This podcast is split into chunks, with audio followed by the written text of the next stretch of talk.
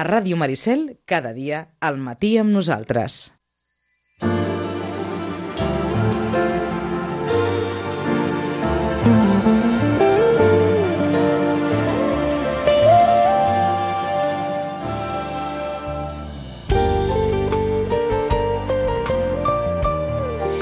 Deu i 12 minuts del matí amb el suport de la representació de la Comissió Europea a Barcelona, la Diputació de Barcelona, l'Ajuntament de Sitges, l'Oficina del Parlament Europeu a Barcelona i la Secretaria per la Unió Europea de la Generalitat i la col·laboració d'Eurolocal. Benvinguts a la primera hora d'Europa del 2011. No sabem què deuen haver deixat els reis a les institucions europees, però ens sembla que no han canviat massa les coses respecte al que podia deixar el Pare Noel al mes de desembre. Joaquim Millan, bon dia i bona hora. Molt bon dia. Els reis han deixat una crisi encara. Bueno, les crisis no es solucionen de forma màgica i aquest és un dels, uh, diguem, és un de les ensenyances que la història ens dona, no? Jo crec que s'han de fer els deures, s'estan fent els deures, alguns països han començat a fer els deures abans i per tant dona sensació de que comencen a tindre indicis també aquests eh, darrers eh, temps dels mesos del 2010, però inici, aquest inici d'any, de que sembla que s'estan començant a recuperar i això també és bo per aquells que poder hem fet els deures més tard, veure que si els fas bé, doncs, home, doncs tens premi i sembla que ens en podrem sortir de la crisi. El que sí hem de ser conscients que això no és immediat i, per tant, encara quedarà un temps que serà difícil, dur, tens, però bueno, que ens hi hem de remengar tots, allò que se'n diu vulgarment, ens hi hem de remengar perquè no hi ha una altra sortida que fer-ho. Eh? Vull dir, um, hem de passar aquesta travessia al desert. Això dues, clar. dues coses abans de saludar Lluís Maria de Puig, que ens espera a l'altre costat del fiu telefònic. Una, estem entrant, què, al tercer any de la crisi? Bé, això depèn com no miris, recordo no? quan, quan, quan en vam començar sí, a parlar. Sí, no, bueno, Joaquim. allò de, que realment quan comences a parlar, i fa dos anys ben bons, ara entrem amb el tercer any, eh? des de que se'n parla d'una manera Així, clara i contundent i mediàtica. No? Segurament els entesos ens deien que això ja havia una tendència que ja es veia venir, totes aquelles coses que a vegades comences a llegir documents que dius, home, però si jo posava aquest document, com és que ningú se'l llegia? Però bueno, ja saps que aquestes coses, fins que no surten als diaris, als mitjans de comunicació se'n parla, sembla que no existeixen. No? Mm -hmm. Tercer any, per tant, què és el Consell d'Europa? Bé, jo crec que avui tenim una persona que ens en podran parlar d'una manera molt clara i contundent, entre altres coses perquè ha estat vinculat una part de la seva part de, de, de, de la seva vida, jo diria personal, però especialment política, a aquesta institució.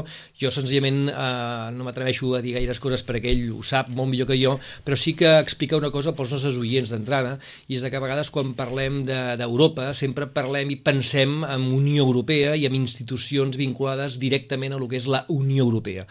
Però també recordar recordar que Europa, com a tal, també té altres institucions, organismes internacionals, com és el Consell d'Europa, que, que han fet, fan i faran una tasca molt important, entre altres coses perquè, per exemple, sumen més països dels 27 que formen part de la Unió Europea en aquests moments, perquè a més parlen de coses que m'ho han donat eh, a la Unió Europea, doncs, eh, justament perquè hi ha altres prioritats, no se'n parla, i algú ha de resoldre temes que al final també van en benefici de la ciutadania i per tant el Consell d'Europa fan, fan una, una tasca molt important, moltes vegades no coneguda perquè mediàticament no és una institució que eh, d'alguna manera s'hagi reconegut massa i perquè també és veritat que com que hi ha un mediàticament un esforç per explicar el que és la Unió Europea perquè la gent sigui conscient de que pertanyen a, la Unió Europea, moltes vegades eh, sembla que només existeix, és quan parles de futbol, sembla que parles només de Barça i el Madrid i del Balón d'Oro i no acabes parlant de tants i altres equips de futbol que també fan esport i que també fan que realment doncs, la, la, la, la, la gent doncs, participi en una activitat esportiva i, i també competitiva. Mm. No? Pues això a vegades també passa amb aquesta institució i per tant eh, jo crec que era, era just que en aquest programa doncs, eh, parléssim d'aquesta institució un dia i bueno, jo crec que és un honor i poder-ho fer de la mà de Lluís Maria de Puig, entre altres coses. No? Doncs saludem el senyor Lluís Maria de Puig, que és el president de la delegació espanyola a l'Assemblea Parlamentària del Consell d'Europa. Senyor Lluís Maria de Puig, bon dia i bona hora. Hola, bon dia. Gràcies per fer aquest encaix a la seva agenda, que hem de suposar que deu ser una agenda com la de totes aquelles persones vinculades més o menys a institucions europees o entitats relacionades amb Europa, amb una mica de bogeria, no?, diària. Sí, sí, eh, està ben descrit. Eh? Està ben descrit, això. Eh, de vegades aquesta gent que estem a les institucions europees, encara que només sigui per la distància, per la necessitat d'anar d'un costat a l'altre contínuament, uh -huh. eh, acabem tenint unes agendes una mica delirants. D'acord. Uh, oh, us preguntem una ximpleria per començar. A vegades teniu la sensació, mira que en donem de voltes i que en fem de coses, i mira que van a poc a poc les coses a vegades. Sí, bé, bé també és bo que hi vagin de vegades a poc a poc, no? Allò que deia el clàssic, eh, és que vaig a poc a poc perquè tinc pressa. Mm -hmm. eh, és a dir, eh, en matèria europea, en matèria de construcció europea, en matèria d'elaboració, no només de tot un conjunt de, de, del funcionament de tot un conjunt d'institucions, sinó també de projectes concrets que, que afecten directament després a la, a la vida dels ciutadans europeus, doncs cal eh, anar sobre segur. I costa molt anar sobre segur amb un, amb un projecte que se sustenta en la, la voluntat dels governs dels estats eh, diferents, molt variats, amb tradicions jurídiques, polítiques, socials molt diferents, amb uns acords de base, però també uns desacords de base, i construir Europa, com ho hem fet els últims 30 anys, amb aquestes dificultats no és fàcil i, i mm. segur que és massa lent, segur que de vegades els ciutadans diuen però què fan aquesta gent, no? Bé, eh, tot és una mica eh, obligat per unes circumstàncies i també per la voluntat política dels ciutadans, perquè al final els governs fan el que volen els seus ciutadans. No en el sentit de resoldre tots els problemes dels ciutadans, mm -hmm. cosa que seria impossible, però sí que en matèria europea les diferents sensibilitats que hi ha en països diversos fan que hi hagi doncs, governs més europeistes, eh, menys europeistes, que hi hagi euroescèptics, i que hi hagi eh, euroentusiastes, i amb tots plegats, amb aquestes diferències, s'ha de construir Europa i s'ha eh, posar en marxa el projecte europeu, que mm. de fet ja està ben posat en marxa. Ah, Precisament el, el Consell d'Europa, i perdoni, ja sí, que, sí, sí, ja acabo, el Consell d'Europa és la primera gran institució europea, que es funda el 1949, eh, just després de Zúrich, just després de, del moviment europeu, el 48, 49, s'instal·la la primera gran institució europea, que avui està formada per 47 estats, és a dir, tots, excepte, eh, a veure, excepte eh, Bielorússia, que, que considerem una dictadura i no està a dins, però eh, amb, amb Rússia i els països del Caucas a dins, no? És a dir, la gran Europa, la pan-Europa, no? Que és una cosa una mica diferent de la Unió Europea, que són 27 estats. No? Mm. Aleshores, aquesta gran institució s'ha ocupat sempre de l'ampliació de les democràcies, del perfeccionament de les democràcies, de la presència eh, i eh, vigència dels drets humans. El Consell d'Europa està con, compost per una sèrie d'institucions, una de les principals és el Tribunal de Drets Humans, a Estrasburg, però hi ha tantes institucions, la gent no ho sap, però la farmacopea europea, eh, la, la, la Conferència de Poders Locals i Regionals i, i tantes altres no? estan ubicades en aquesta institució que té la seva seu a Estrasburg. Mm. Aleshores, des d'aquí s'ha anat construint tot. Més tard, més tard, al cap d'uns anys, la Unió Europea, impulsada també des del Consell d'Europa, i avui ens trobem amb la l'existència d'una institució que és integradora, que és la integració europea, la UE, la Unió Europea, i al seu costat es manté aquest Consell d'Europa en totes aquestes institucions i un treball, diguem-ne, més, uh, més uh, soterrat, uh, menys espectacular que, que de, del dia a dia, però que intenta fer d'Europa uh, un espai uh, democràtic i uh, on vigeixin els drets humans. O sigui que com que parlem amb un historiador, el Consell d'Europa va néixer quan Alemanya no era res i la Unió Europea va néixer quan Alemanya vivia el miracle alemany, no? Eh, sí, en part és, és veritat. Però, esclar, eh, a veure, el Consell d'Europa eh, es va fundar sobre aquella frase cèlebre de Winston Churchill, eh, never again, eh? no, no hi tornem mai més, eh? mai més. I aleshores es, es havien de construir coses. I fins i tot Alemanya, que era la, la, la, la, qui havia perdut tot i que estava en una situació molt dramàtica, mm -hmm. es va incloure en, aquest, en aquest, eh, aquesta idea, aquesta concepció d'unitat europea. I això és molt important.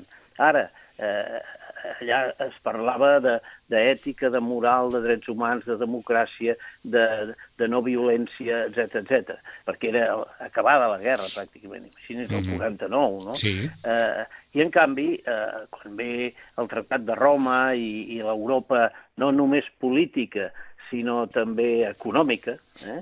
eh, aleshores eh, es fa en un temps en què Alemanya ja havia començat a recuperar-se, com diu vostè, mm -hmm. i, i ja era ja començava a ser la potència que després ha sigut. Eh, mm, després ens ficarem en el cas eh, d'Alemanya i, tam i també, si li sembla, eh, ens agradaria anar una miqueta més enllà i, i pensar en la Xina, i fins a quin punt Europa pot pensar que, que la Xina també està salvant, està salvant algun dels mobles d'aquesta crisi. Per això que estem en el Consell d'Europa i ens parlàveu de 47 estats inclosos en el Consell d'Europa, la Unió Europea fins a quin punt és, diguem-ne, fidel al que des del vostre punt de vista, com a membre del Consell d'Europa, representen aquests 47 estats. És molt diferent el que viu el Consell d'Europa des del punt de vista de sensibilitats de diferents estats el que viu la Unió Europea, o sigui, una representació més reduïda d'aquesta Europa encara més global, que forma part del Consell d'Europa? Bé, el que jo li diré és que no hi ha contradicció. Eh? És a dir, pensi que els 27 estats de, de la Unió Europea són tots membres del Consell d'Europa uh -huh. i són els grans estats europeus. El que passa és que queden fora realitats eh, polítiques de, de l'Europa de l'Est, per exemple, i eh, realitats eh, doncs, eh, geopolítiques com Rússia, per exemple, uh -huh. i països molt importants com, com, com Ucraïna o com Turquia. Per això us ho preguntem, precisament. Estem Estela. discutint uh -huh. si, si caurà entrant o no. Eh? En canvi, Turquia és des del 49 en el Consell d'Europa. Uh -huh. O sigui, eh, senyor de Puig, el gas que vesteix Europa, bona part d'Europa, ve d'un país que no està a la Unió Europea i està al Consell d'Europa. Sí, sí, sí. Uh, uh, realment és que al Consell d'Europa hi estan tots menys uh -huh. Bielorússia i uh, encara no Kosovo, però un dia hi estarà, és a dir, serem 50 estats d'aquí quatre dies, eh, uh -huh. en termes històrics. Eh? Uh, haurà de passar segurament algun, algun any més, però serem 50 estats. Mentrestant, la, la Unió Europea avui són 27. D'acord, ho dic per si sobre la seva taula tenen coses que no arriben tant a la taula de les institucions europees. Sí, esclar hi ha tota l'evolució de les noves democràcies de l'est. No? Eh, nosaltres estem treballant amb una gran intensitat i molt particularment a l'Assemblea Parlamentària a la que jo pertanyo, doncs amb, amb, amb millorar la situació diguem, des del punt de vista democràtic i des del punt de vista de institucional, constitucional.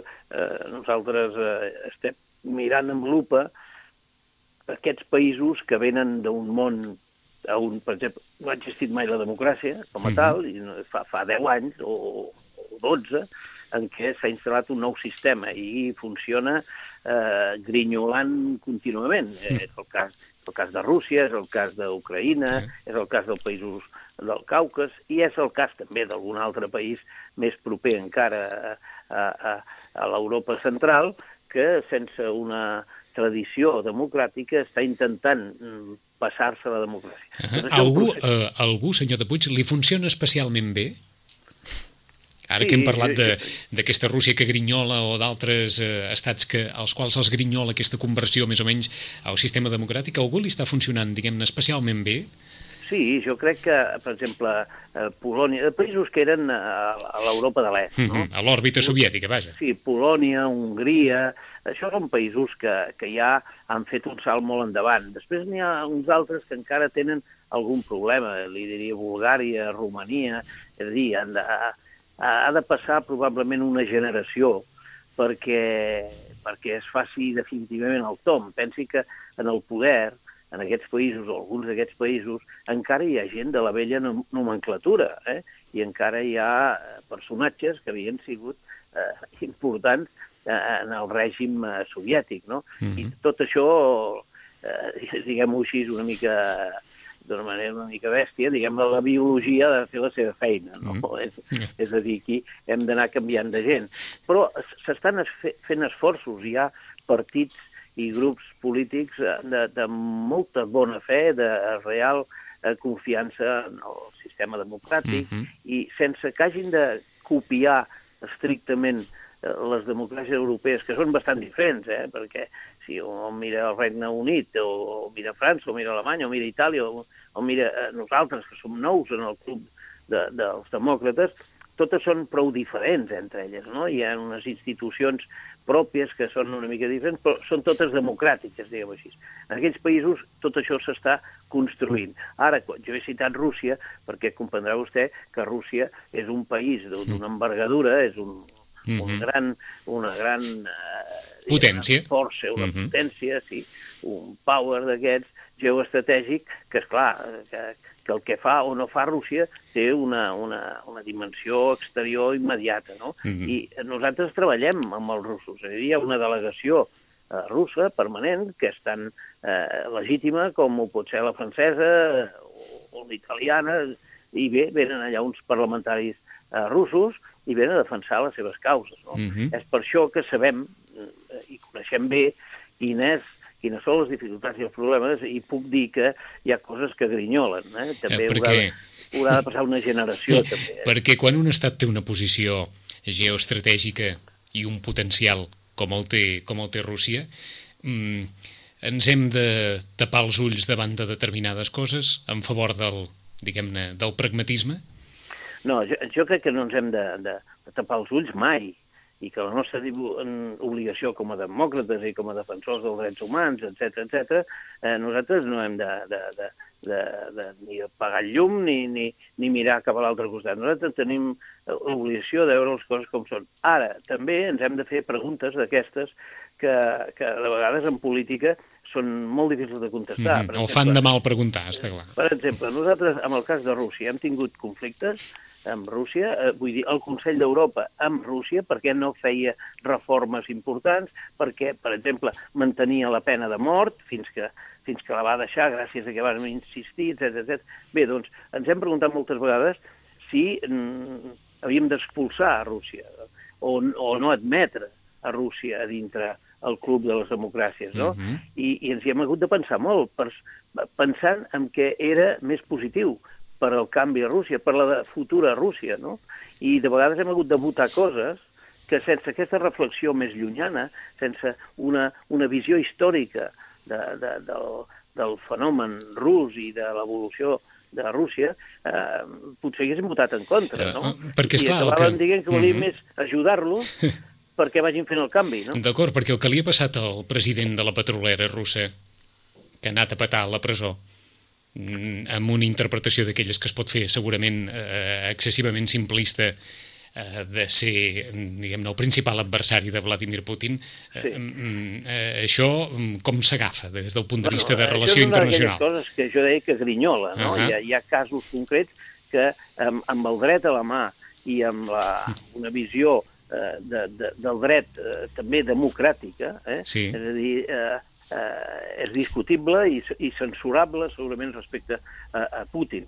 Ara, eh, nosaltres hem de mirar les coses una mica amb una mica més de, de, de eh, llargària històrica, no? Per exemple, per exemple i preguntar-nos, bé, després de Gorbachev, després de Yeltsin, després de les convulsions que hi han hagut, el problema Txetxènia, eh, després de tot això, a Rússia què necessitava o què necessita? Dóna tota la impressió de que un, l'etapa Putin ha estabilitzat una mica les coses i probablement ha evitat eh, allò, mm, eh, tendències que haguessin pogut ser molt negatives respecte als seus adversaris i mirant cap a fora, a pròpia Rússia, i a dintre mateix de Rússia.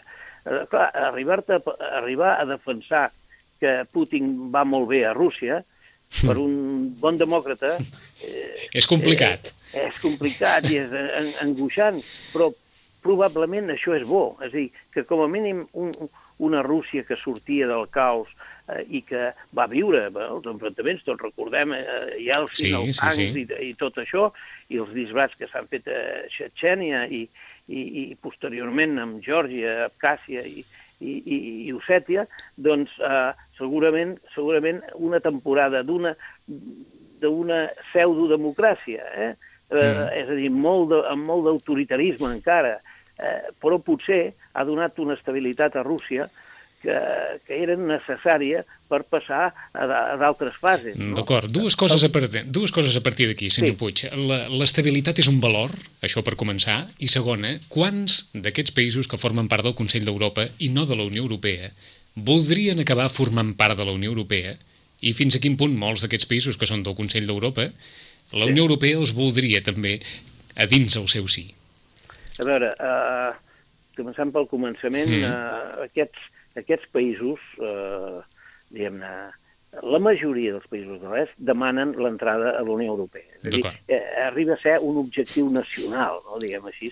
Per exemple, eh, no, no és només el cas de Turquia, que ja fa molts anys que vol entrar, és el cas d'Ucraïna, per exemple, que és un altre macroestat, eh, amb molts de problemes interns, però demana instalment. Jo he anat a tots els tres eh, països del Caucas, sí. eh, Azerbaijan, eh, Armènia i Moldàvia, i tots volen entrar, tots tenen demanat ja l'entrada a la Unió Europea, no? Mm. Eh, la Unió Europea això ho veu llunyà, en tot cas, com a mínim llunyà, no només per la distància, sinó llunyà en el temps, no? perquè no són societats que són susceptibles d'entrar de, de, ara mateix. Ara, mm. voler, volen. L'argument l'argument és semblant? Rússia no, eh? D'acord, Rússia, Rússia no. no. D'acord. No ho demana. D'acord, perquè l'argument per entrar és més o menys semblant a, a tot arreu? Sí, sí. Sí.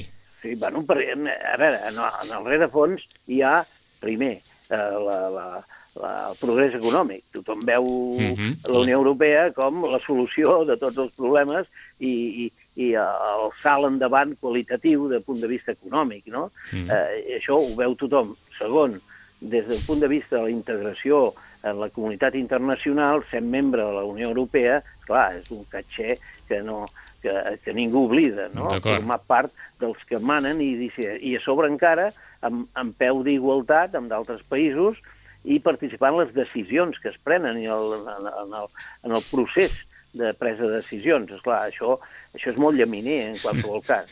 Clar, l'avantatge per nosaltres que, que vulguin entrar tots a la Unió Europea és que ja han de complir unes obligacions poden estar en el Consell d'Europa amb, amb uns mínims democràtics, no? perquè és millor que estiguin a dins que a fora. No?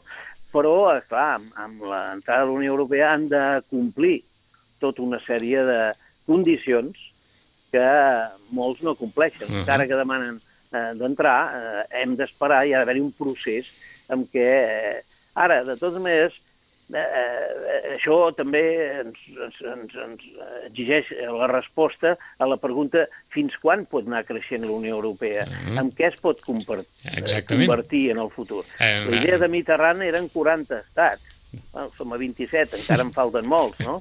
Per dir una xifra que s'ha donat, no? Sí. Eh, Home, qui, després... diu 40, qui diu 40 ja podria dir 47, perquè ja no en vindria d'una mica. Sí, no, mm. és veritat, mm. eh, perquè eh, quan Mitterrand deia això, Eh, no pensava en Rússia i no Clar. pensava potser en algun altre país d'aquests. Perquè a partir, a, a partir del que dèiem, senyor Puig, a Rússia sí. no li interessa, però a la Unió Europea li interessaria que Rússia fos dins? Bueno, no li interessa perquè ella juga en el en món. En una altra divisió, està clar. Juga un paper geoestratègic mm -hmm. i, mhm. i, és clar, ell, ell no, no, no es vol... És massa potència per voler-se a, a reduir mm -hmm. a les decisions de la Unió Europea, no? Està I segurament clar. seria molt difícil, jugant un rol de gran power, no? Seria molt difícil per la pròpia eh, Unió Europea tenir Rússia dins. D'acord. Eh, és més, si mai això passés, la Unió Europea ja no seria el que és, ja seria una altra cosa, evidentment. No, sí, sí. Ara, ara eh, i jo no ho veuré pas, eh? eh si vostès em superen eh, en vida, tampoc, eh? Mm -hmm perquè no, no és imaginable ara. Hi ha, hi ha nivells d'associació que permeten treballar bastant conjuntament, sí. i això sí que, que, que s'irà endavant, de la mateixa manera que estan en el Consell d'Europa, eh, amb nosaltres, i no passa res. Ara, més enllà d'això, Rússia no, no s'integrarà. Doncs escolti'm, travessem Rússia i anem a parar a la Xina. A la Xina. La Xina, eh? la Xina és el gran país emergent, tan, emergent, tan gran i tan emergent que ja no es pot comptar, ja no es pot pensar en política ni en globalització ni en geoestratègia sense tenir en compte Xina. Xina és un condicionant, un condicionant econòmic. Quan, quan pensem que, que una part molt important de la deuta dels Estats mm -hmm. Units l'ha comprat Xina, eh? i la senyora Clinton diu aquella frase quan un dia que li preguntis escolta, per què els Estats Units és tan tolerant amb Xina en matèria de drets humans i tal? La senyora Clinton va contestar Vostè troba que el tractem massa bé, però vostè com tractaria el seu banquer? El seu banquer, eh? És, és a dir, que perquè ha comprat deute americà i, i, i bueno, de moment s'ha fet prou pressió perquè parés. No? Que, que, serà una, que serà el nostre banquer, també? Eh, de la Unió Europea eh, no dic que no passi alguna vegada. La veritat és que sembla que hi ha hagut, sembla, coneixem que hi ha hagut eh, eh, operacions sí. delicades internes per evitar que, que Xina entrés també en, en operacions econòmiques sobre l'euro. No? D'acord. Eh, però de moment no, no tenim més notícies. En canvi, hi ha una visió des de la Unió Europea molt favorable a negociar el màxim que es pugui amb Xina, que és un mercat immens i que en la mesura que es desenvolupi, Europa també pot treure molt benefici mhm. de, de, de, de tenir un client eh, com Xina, no? I, I si Rússia grinyola, Xina encara grinyola una mica més, des del punt bueno, de vista de tots aquells valors que, que el Consell d'Europa mm, posa en prioritat?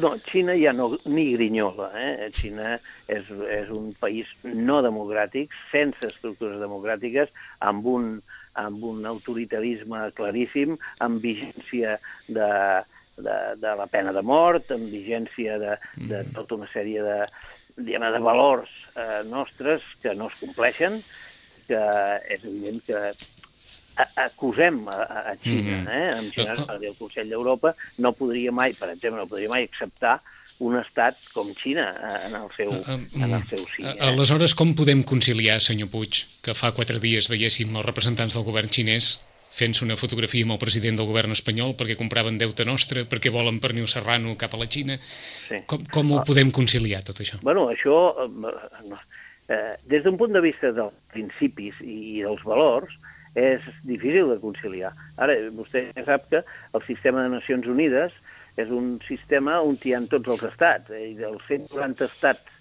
que hi ha a, a Nacions Unides, a Nova York, representats, mm -hmm. doncs n'hi deu haver-hi com a mínim com a mínim eh, un centenar que no són eh, democràcies. Eh? I, I aquesta és la dura realitat.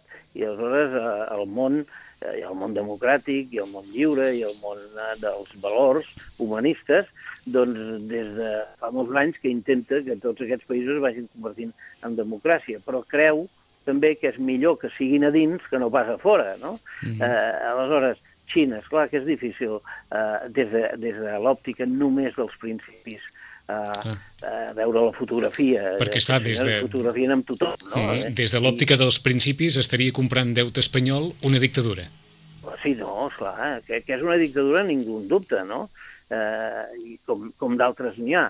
El que passa que les relacions comercials, les relacions diplomàtiques i, i tot tipus de, de relacions i culturals doncs, eh, es medeixen eh, per la seva eficàcia i en el ben entès que es creu que tenir relacions amb aquesta gent i tenir lligams de caràcter econòmic eh, i, i cultural i diplomàtic és més positiu de cara a la reconversió cap a la democràcia que no pas l'aïllament. D'acord, no, no, no us volem robar més temps. En, en dos minuts, un, un, un exemple. Per què ens emmirallem tant amb Alemanya? I fins a quin punt ens convé emmirallar-nos en un país que ha viscut uns processos històrics que l'han obligat a prendre, no sé si dir que determinades actituds, o a ser d'una determinada manera per poder-se'n sortir de les crisis? Bé, eh, Alemanya representa un cas eh, molt especial a dintre Europa. És, és el país de, de, de genis, de, de, de, de lluminàries de la cultura, de processos fantàstics i de, i de, idees filosòfiques i culturals i, i, i de tota mena, i de progrés material fantàstic, però al mateix temps és el, el país que més horror ha creat eh, amb les seves eh, polítiques eh, nacionalistes, i ja no parlem de Hitler, etc etc. Eh, bé, ens hem d'emmirallar en el bo que té Alemanya, amb el seu esforç per construir Europa, amb la seva capacitat i generositat per pagar la construcció d'Europa en gran part. No? És amb aquesta Alemanya profundament democràtica, federal, eh, que reconeix eh, valors eh, eh, que són universals, que ens hem de fixar, sense perdre mai de vista que la història ens ha demostrat que fins i tot un país tan gran i tan fantàstic com Alemanya és capaç d'alguna de les barbaritats més grans que coneixem en la història.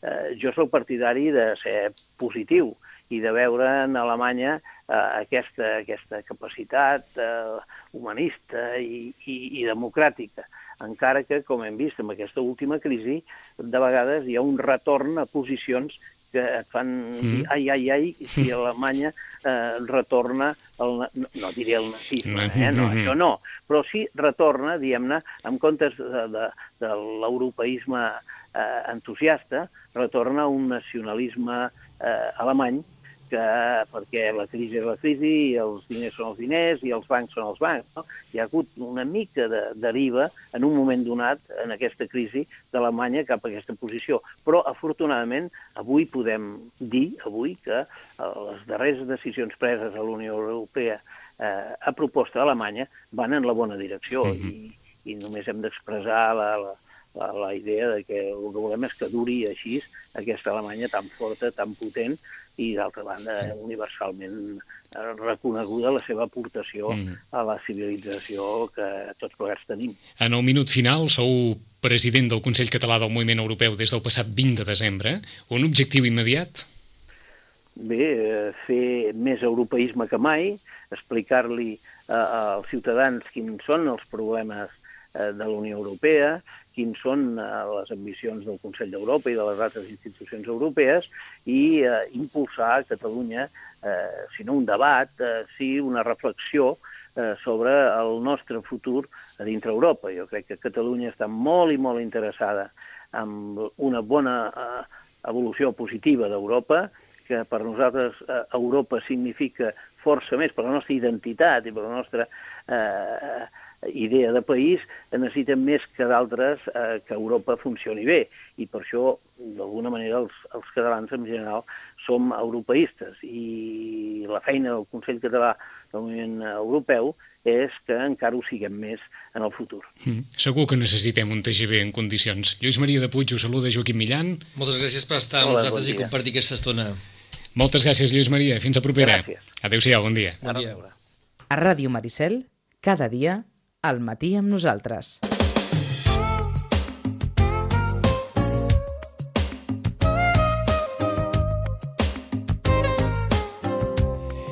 Parlat d'uns dels aspectes de Lluís Maria de Puig, però polític historiador català, diputat per la província de Girona a les eleccions generals del 79, del 82, del 86, del 89, del 93, del 96 i del 2000. Actualment és senador per Girona, president de la delegació espanyola a l'Assemblea Parlamentària del Consell d'Europa, vocal titular de la delegació espanyola a l'Assemblea de la Unió Europea Occidental i nou president del Consell Català del Moviment Europeu. I en Joaquim encara ens hi afegia més aquest currículum d'un, què, un veterà, Sí, jo crec que d'aquelles persones que vull dir que són necessàries en, en molts àmbits de, de, del país i quan parlem de la política i política internacional eh, que, que ell ho ha dit a l'acabament de la seva, la seva intervenció, doncs eh, Catalunya sempre ha tingut una, un interès, eh, no només en l'àmbit internacional, sinó també en aquest espai més proper que és la Unió Europea de ser-hi present. Recordem com eh, Jordi Pujol a moment donat va, va també eh, eh, a moment donat forçar molt la presència catalana a les institucions europees perquè agafessin prestigi al govern català i així ell va participar en institucions, com també ho va fer Pasqual Maragall més tard, etc etc Vull dir, per tant, sempre hi ha hagut, bueno, dic aquests dos noms perquè han estat, a més, dues persones que han estat presidents de la Generalitat de Catalunya i que, des de perspectives, en el seu moment, Jordi Pujol des de la presidència de la Generalitat, com Pasqual Maragall des de Barcelona, en aquell cas des de l'àmbit local i municipal, doncs van participar de manera molt activa en el que és l'entramat institucional eh, comunitari de la Unió Europea, justament per la importància que es dona.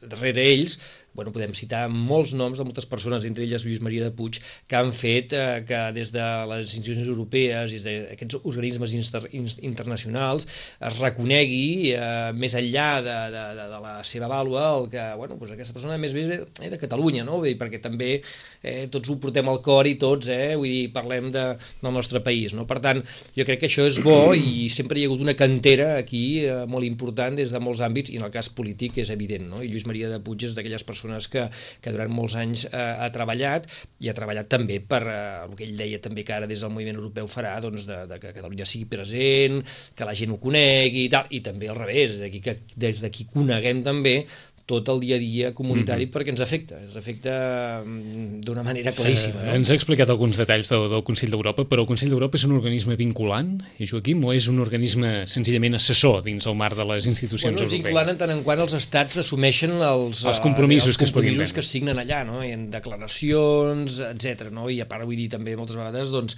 institucions que de, de moment donat doncs, eh, es creen per, en l'àmbit, per exemple, ell parlava de la, del tema local, doncs, també també, o del tema dels drets humans, etc resolucions a favor eh, de, de, de la lluita contra la violència, doncs també s'han signat pels eh, els estats membres que conformen aquest Consell d'Europa i per tant hi ha aquests compromisos un moment donat que es van assumint.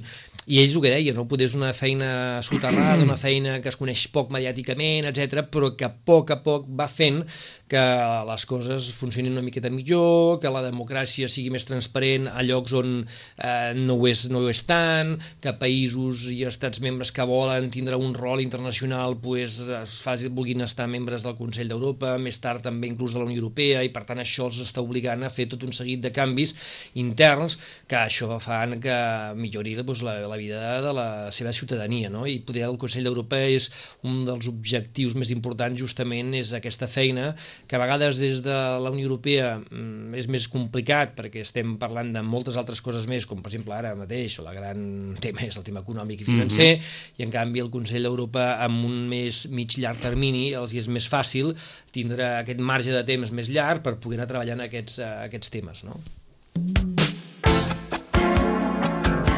10 i 48 minuts. Acabem d'entrar a l'any europeu del voluntariat. Correcte anava a preguntar-te què és això, però esclar, és bastant obvi, oi? No, és bastant obvi. és bastant obvi. Tots sabem que la Unió Europea doncs, cada any dedica a l'any a un tema concret, no? Vull dir, si fem una mica de, de memòria, veiem com, per exemple, en un moment donat, l'any 2008 es va dedicar al diàleg intercultural, el 2009 es va dedicar a la innovació i la creativitat, l'any passat, aquest que hem deixat, s'ha dedicat a la lluita contra la pobresa i l'exclusió social. Mm -hmm. Gairebé Aquest... se'n recorda poca gent ara ja d'això, eh? Poca gent, però és un tema que segueix molt... Bueno, totes maneres, se'n recorda molt poca gent, però sí que és un tema que el tenim cada dia i ens en recordem cada dia perquè veiem com, per exemple, la Unió Europea eh, tenim quasi bé un 20% de la població d'aquests 500 milions que conformen aquests 27 estats de la Unió Europea que podem dir que viuen sota el llindar de la pobresa i l'exclusió social. O sigui, dels 500 milions exacte, hi ha exacte. 100 milions, Quasi bé, són 80 gairebé, i pico, 84, 84 eh? milions sí, sí, que viuen sí, sí, sí. al llindar de la pobresa. Sí, sí, sí, sí, clar, perquè, evidentment, amb els càlculs que es fan, no? que sí, podríem sí, sí. un altre país i dir, no, home, aquests són classe mitja, mm -hmm. no? Mhm. però aquí a la Unió Europea justament estan... 84 milions, que seria? Més que França? Sí, no? Sí. Sí, sí, sí més sí, que França sí, sí, i tot. Més que França, més que França. De fet... Dues vegades a Espanya, vaja. Clar, exacte. És que de fet ho veiem, no? Vull dir, veiem, per exemple, a casa nostra, vull dir, veiem com hi ha molta gent que, que, que, que, que a vegades poder no és tan evident perquè la gent no, no, no va explicant, no? Vull dir, les dificultats que té en moment donat econòmiques i, i tots la tenim però clar, hi ha dos, dos temes, no? Un és la pobresa pura i dura, per tant hi ha una sèrie de gent que queda exclosa amb, amb pobresa, i després hi ha una exclusió social que també a la vegada pot ser pobresa, no? Vull dir, hi ha l'exclusió social que no vol dir que vagi acompanyada que a la vegada també ets pobre, però sí que una exclusió social permanent pot arribar a ser la pobresa. Per exemple, perquè la gent m'entengui, eh, una persona que poder m'ho donat amb 50 i pico d'anys per la feina, eh, que poder estat benestant, mm -hmm. que poder tingut que tenia una bona un feina, que tenia... vida estupendo, o mitjà, eh, que tenia eh, la, la, que estava pagant una hipoteca assumible o que ja l'ha pagat, etc etc, queda fora d'un mercat de treball, en aquests moments on, a més, eh, també eh, estàs una mica penalitzat eh, segons l'edat. Eh? Hi ha altres economies on una persona amb certa edat pues, té una, a, nivell de, a nivell laboral té unes oportunitats justament mm -hmm. perquè té una experiència, etc i la gent està disposada a pagar per aquella experiència. Avui en dia no, paguem una persona jove que cobrarà menys i aquest ens el fulminem i aquesta persona queda fora de mercat i va trampejant, va com pot, però clar, si això és permanent, arriba un moment que aquest senyor, pues, evidentment, evidentment no troba feina i acaba pues, entrant també amb el que diríem pobresa de més. No?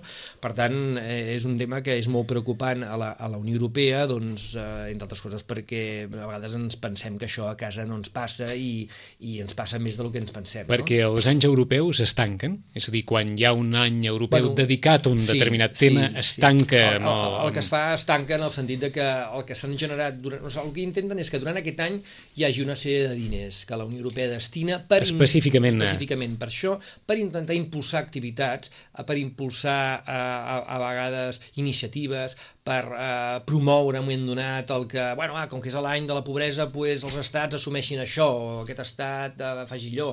Per tant, intentar també promoure una motivació mm, afegida perquè els estats eh, i, bueno, i les diferents administracions, inclús l'àmbit privat, doncs prenguin una sèrie de mesures envers aquest any. No? I llavors hi ha una sèrie d'ajuts també eh, perquè això sigui així. Eh, aquest any doncs, es dedica a l'any del voluntariat i veiem que va pensat, entre altres coses, perquè també els últims tres anys eh, han anat pensats molt també en, en ciutadania i en un futur, és a dir, el futur pobresa i exclusió social, treballem aquest tema perquè és un tema que a Europa no som conscients que ens passa i, i, i va increixendo, va increixendo, desgraciadament va increixendo. Voluntariat, potenciem el voluntariat perquè a la nostra estat del benestar o societat del benestar hi ha una part anònima que funciona gràcies al voluntariat anònim de tantes persones, tantes persones. Es calcula que un 23%, un 23 de la població europea d'una manera poca, més, més intensa, mm -hmm. quatre vegades a l'any, una vegada a la setmana, eh, dedica hores de la seva vida a el que en diem voluntariat, amb un sentit ampli, que, bueno, que hi, ha, hi ha cinc àmbits molt concrets del voluntariat, que és el voluntariat social, l'ambiental, el comunitari, l'internacional o el cultural, perquè a vegades també hi ha voluntaris que es dediquen, bueno, aquest no, aquest es diverteix, mm -hmm. bueno, aquest es diverteix, però gràcies o sigui a aquest que... que es diverteix fent de voluntari amb aquesta entitat cultural, i aquí Sitges és un exemple claríssim, aquestes entitats funcionen. Si tota la gent dir, que es dedica a en major o menor grau hi ha a la vora d'uns 25 milions d'europeus que no, es dediquen... 23%. 23%, un perdó. De cada, un quasi, quasi un de cada quatre o sigui, encara que fa més. voluntariat. I si tu analitzes la teva vida, jo la meva, que a vegades dius, no, no, jo voluntari no ho soc, perquè pensem només en un tipus de voluntariat, doncs comences a pensar Dius, bueno, clar, jo eh, sóc de l'AMPA i faig eh, tantes hores perquè allò, de l'altre està l'entitat aquella cultural que organitza mm -hmm. les excursions aquelles i també és el que pensa, tal. Jo, per exemple, en un moment donat, doncs, estic molt moviment europeu com a secretari general. Diguem-ne activitats que generen un valor sense quantificar, per dir-ho d'alguna forma. No? Jo, com a secretari general del moviment europeu, evidentment, que eh, no, no, no cobro ni un duro per això, per tant, vol dir que, en aquest cas, ho faig perquè m'agrada, però també faig una activitat voluntària que intentem fer coses que donem a entendre que millora el coneixement d'Europa la societat, per tant estem fent un valor afegit, a la, a, a, diguéssim, mm. estem aportant un valor afegit, bueno, la gent que es dediquem a això, doncs en el fons l'altre dia m'ho deien, bueno, tu també ets voluntari, igual no, no ets conscient que ho ets, perquè tot això que hi dediques hores perquè ho fas, perquè t'agrada, però també perquè i, i voluntàriament ho fas, no ningú t'obliga. No? Per o sigui, hi ha a la vora d'un 23% d'europeus que es dediquen al món del voluntariat exacte. entès en el sentit més ampli. I, Aleshores, l'any europeu del voluntariat... És posar en valor això, intentar posar en valor això perquè, de més, avui és molt important i que ara un futur ho serà bastant més. És a dir, el que també ens comencem a acostumar de que també un eh, també ha d'aportar coses a la societat i, entre altres coses, eh, donar valor a aquest, a aquest voluntariat que existeix en aquests moments i també incentivar el voluntariat que ara la gent jove, que en aquests moments doncs, poder no ho veu com un valor afegit important, però sí que ho vegi perquè evidentment és una societat que culturalment es considera avançada o progressivament es considera avançada, doncs eh, ho veiem amb les societats que, que a nivell europeu considerem avançades, la majoria de la societat és voluntària d'una manera o d'una altra, no? Eh, hi, ha, hi, ha, hi, ha, hi ha estats de la Unió Europea que quan tu estàs a l'atur i cobres un subsidi d'atur, eh, a, a, a canvi estàs fent hores voluntàries de, dedicades a la societat. És a dir, bueno, vostè part del curset... És a dir, et demanen un, un servei social, sí, exacte, per dir-ho així? Exacte, sí, sí, sí. Tant de voluntari. Diu, bueno, vostè, a part de fer el curs per formar-se per una nova feina i tal, Farà tal, unes hores de... dedicar unes hores a... A serveis, soci... a serveis socials, de voluntariat. De voluntariat, que després et diuen, pues, mira, voluntariat esportiu, pues, et dedicaràs sí. a ajudar a l'escola, al no, mm -hmm. o, per exemple, a vegades aquests voluntaris que són els que dirigeixen el trànsit, i a vegades ho veiem a les pel·lícules, quan a les entrades a les de les escoles, sí. pues hi ha gent que, que, bueno, que tenen aquesta feina com a voluntari, eh? eh? hi ha alguns llocs on se'ls hi paga, uns llocs és voluntari, uns llocs t'assignen, vull dir, Eh? Vull dir, és a dir, hi ha llocs d'Europa on aquesta feina, diguem-ne, d'organitzar el trànsit a les sí. entrades i les sortides de les escoles els fan persones voluntàries. Sí, sí, sí, Suposo que, que convenientment sí, ensinistrades, no cal ni dir-ho. Evidentment, però, evidentment, no? Per, persones que van amb aquell peto sí, i van sí, amb sí. aquell indicador i bueno, saben que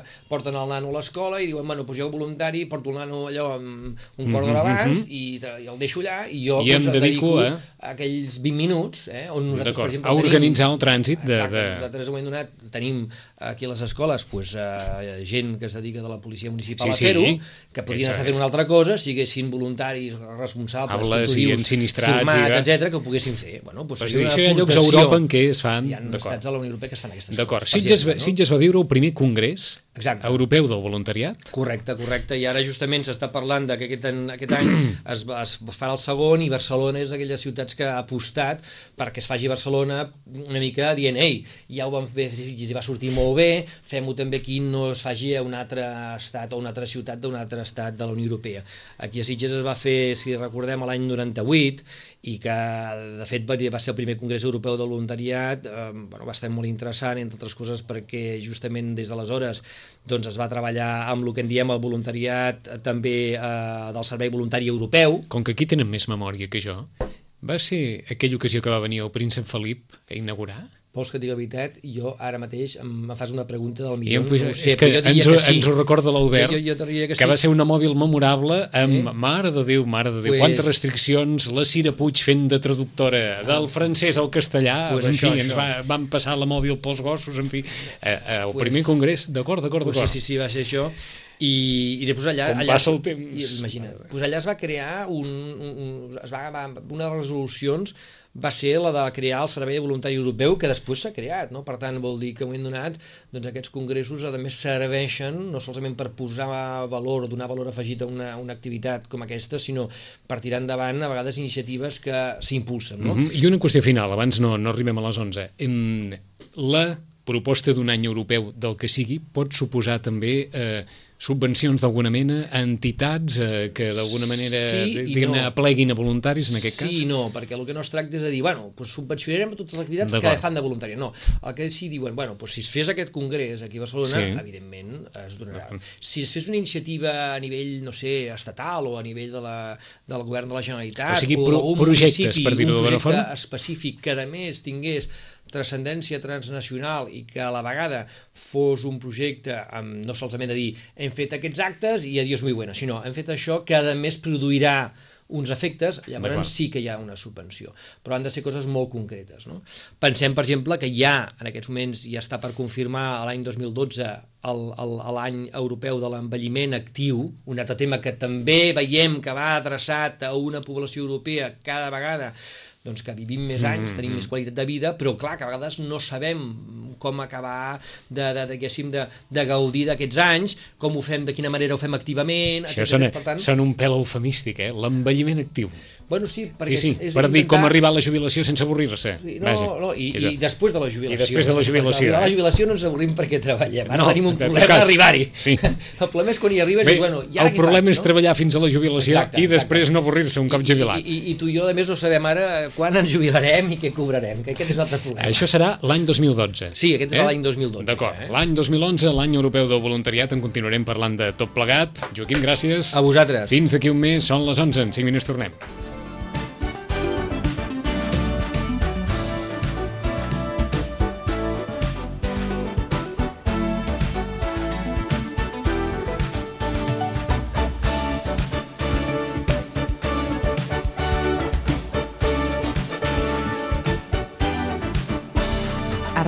Maricel cada dia al matí amb nosaltres.